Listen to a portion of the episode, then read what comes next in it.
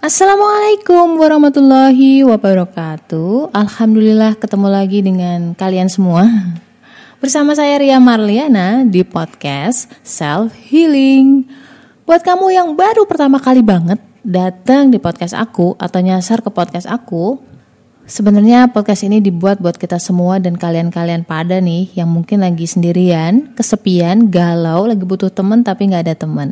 So yang nggak seperti itu kamu boleh skip, tapi kalau yang lagi kayak gitu bisa banget pantengin dan dengerin podcast self healing ini. Why? Karena podcast ini bakal ngebahas banyak hal dan banyak tips tentang healing berdasarkan Al-Quran dan juga hadis. So jangan khawatir, jangan sedih karena nggak cuma itu. Di sini juga bakal ngebahas bagaimana cara kita memahami diri, memahami cara kerja otak manusia berdasarkan golongan darah. Seru lah pasti. Dan buat kali ini sekedar informasi aja, pagi-pagi tuh agak agak biru, mendung gitu, semendung hati gue yang baca berita menerenyuhi, menerenyuhkan gitu apa sih tentang itu? Biasanya kita kalau ngomongin soal pengorbanan kita akan mengingat soal ibu atau sosok seorang mama. Tapi untuk kali ini kita bakal ngebahas sesuatu dari perspektif yang berbeda dan ini kisah nyata banget. Apa itu? Pokoknya seorang anak yang merelakan nyawanya demi membela kehormatan ibunya. Nah loh, sobat kamu-kamu yang mungkin dari dulu skeptis bahwa nggak ada anak yang cintanya melebihi ibunya, Jangan seperti itu karena mungkin kamu akan merubah pendapat kamu setelah pesan-pesan berikut ini.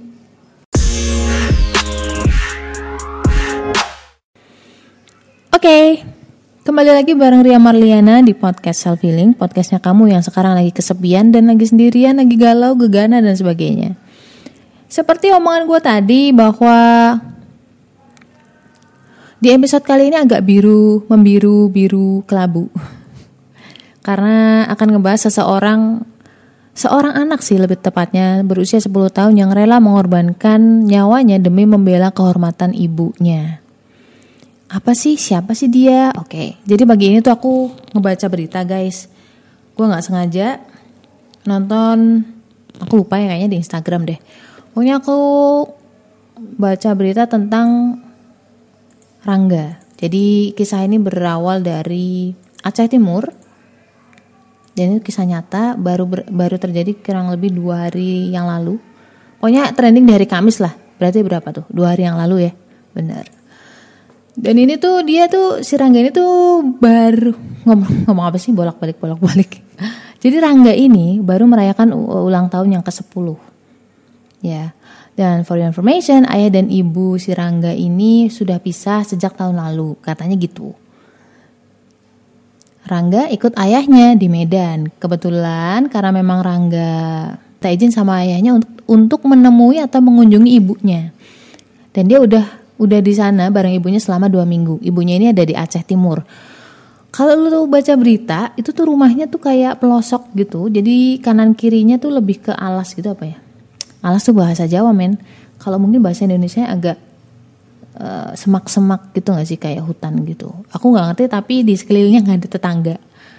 Ya, jadi jangan bayangin itu kayak di kota rame gitu. Dan kamu perlu tahu juga rumahnya itu nggak kayak tembok gitu nggak, tapi kayak lebih ke bambu atau enggak sih kayak kayu gitulah. Dan lebih ke satu petak satu ruangan gitu. Aku nggak ngerti tapi nggak terlalu lebar, nggak terlalu luas. Nah, ya. Jadi keamanannya jangan dibayangin aman banget gitu? Enggak. Keamanannya subhanallah dah pokoknya. Pokoknya singkat cerita si pelaku ini namanya Samsul Bahri dini hari itu menyusup ke rumah mereka si ibunya Rangga dan juga Rangga. Kebetulan ayahnya diceritakan sedang mencari udang jadi tidak di rumah waktu itu. Yang di rumah cuma ibunya dan juga Rangga si Samsul ini datang menyelinap dalam kondisi udah nggak pakai baju, dalam kondisi beringas atau birahi udah di atas kepala gitu, di ubun-ubun. Otomatis lah ya namanya ibunya baru berusia 20, 28 tahun dan kalau nggak salah info juga ibunya masih mengandung sekitar 2 sampai 3 bulan dengan suami barunya. Ya kan? Which is itu berarti ayah tiri Wang eh, Wangga lagi. Ayah tiri si Rangga. Karena mendengar keributan kayak gitu otomatis berontak lah ya akhirnya si Rangga mungkin kebangun dan juga ibunya juga mungkin berteriak katanya berteriak meminta agar Rangga lari untuk menyelamatkan diri. Gue nggak ngerti karena mungkin di sana udah tradisinya orang-orang mulai nggak bisa mikir gitu. Si ibu mungkin langsung udah lari dulu aja sana loh selamatin diri kamu. Dia nggak mikirin kondisi dia. Tapi nggak nggak nggak seperti itu si Rangga itu ternyata dia bukannya lari justru melawan si Samsul ini orang yang hendak memperkosa ibunya tadi tapi sayangnya karena memang si Samsul ini juga orangnya udah 40-an tahun, aku lupa tepatnya 48 atau 40 tahun karena banyak versi. Dan Rangga baru berusia 10 tahun, bener-bener baru berusia 10 tahun lebih berapa minggu lah ya. Itu tuh ambruk. Karena apa? Karena Rangga pertama kondisinya dia baru bangun tidur kaget. Kedua adalah si Samsul itu lebih gede pasti tubuhnya. Dan dia juga for your information dia itu residivis. Artinya dia itu napi yang kalau nggak salah dia punya kasus yang sama yaitu pembunuhan. Cuman dapat asimilasi atau keringanan yang kemarin itu loh corona itu. Jadi dia belum lama juga keluar di tahun 2019 katanya sih gitu. Eh 2019 berarti 2020 ya? 2020 pokoknya kena eh, dapat eh, dapat asimilasi kemarin dan yang paling menghebohkan adalah dia bawa parang. Ya guys, jadi si cowok bejat ini, si Samsul ini sebenarnya karena mendengar si Rangga tadi berteriak dan juga ngelawan, mungkin akhirnya dia tebas lah pakai ini parang kena lehernya si Rangga dan aduh sampai tercekat ngomongnya. Jadi dia si Rangga dengan tubuh kecilnya pasti ambruk. Ya gimana orang dia juga masih kecil terus lawannya pakai parang udah tua lagi. Nggak berhenti sampai di situ. Dia masih sempat nusuk Rangga. Bahkan ditemukan ada 10 tusukan. Lu kebayang gak sih? Udah ambruk itu masih di di apa namanya ditusuk kayak gitu. Dan aku sempat baca juga di artikel bahwa dalam kondisi seperti itu pun dalam kondisi berdarah-darah kayak gitu Rangga itu masih sempat berusaha menyelamatkan ibunya. Coba bayangin. Astagfirullah. Dan Rangga ini tuh dikenal cerdas. Dia bahkan udah bisa baca Quran, ya usia segitu sih ya. Apalagi di Aceh kayaknya udah biasa sih. Tapi cerdas dan ranking 1-2 lah katanya, katanya gitu. Cuma yang aku agak amazed gitu ketika dia justru nggak lari, dia malah melawan si pelaku. Udah sampai di sini lu bisa cari searching di Google berita-berita itu untuk kronologi lebih detail. Kayaknya aku nggak nggak tega ngomonginnya. Jadi diperkosa nggak mbak? Ya jadilah. Orang si anaknya ibunya tadi udah ini. Pokoknya kalau penasaran kelanjutannya lu searching dah. Searching aja Rangga Aceh pahlawan cilik. Insya Allah udah banyak tuh gue mau ngomongin soal dari sisi Rangga apa yang kita pelajarin dari sosok kecil ini? Karena sebenarnya naluri anak laki-laki gini ya, melindungi. Memang melindungi dia secara fisik, terutama untuk orang yang dia sayangin. Apalagi, apalagi nih dia itu walaupun ayah ibunya bercerai, tapi dia tidak membenci ibunya. Dia masih sayang sama ibunya, buktinya dia masih mau untuk menemui ibunya, tinggal bersama ibunya dan bahkan rela mengorbankan nyawanya demi menjaga kehormatan si ibu. Kebayang gak sih? Ya Allah aku terenyuh banget. Dan segitu bejatnya si Samsul ini. sudah, sudah, sudah. Semua udah jadi ketentuannya Allah. Mungkin ini jalannya si Rangga untuk mencapai kebahagiaan hakikinya dia. Insya Allah.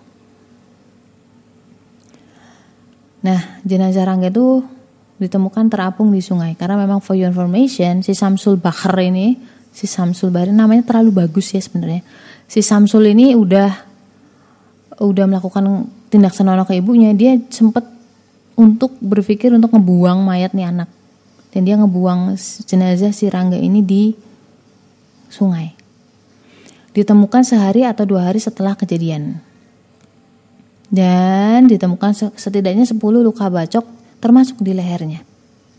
Kebayang gak sih? Anak kecil, gak pakai senjata. Dan dia tuh residivis gitu. Dan pelajaran yang cukup menampar gue, Karena sebenarnya Allah mengajarkan kita banyak hal itu nggak nggak harus gamblang ya.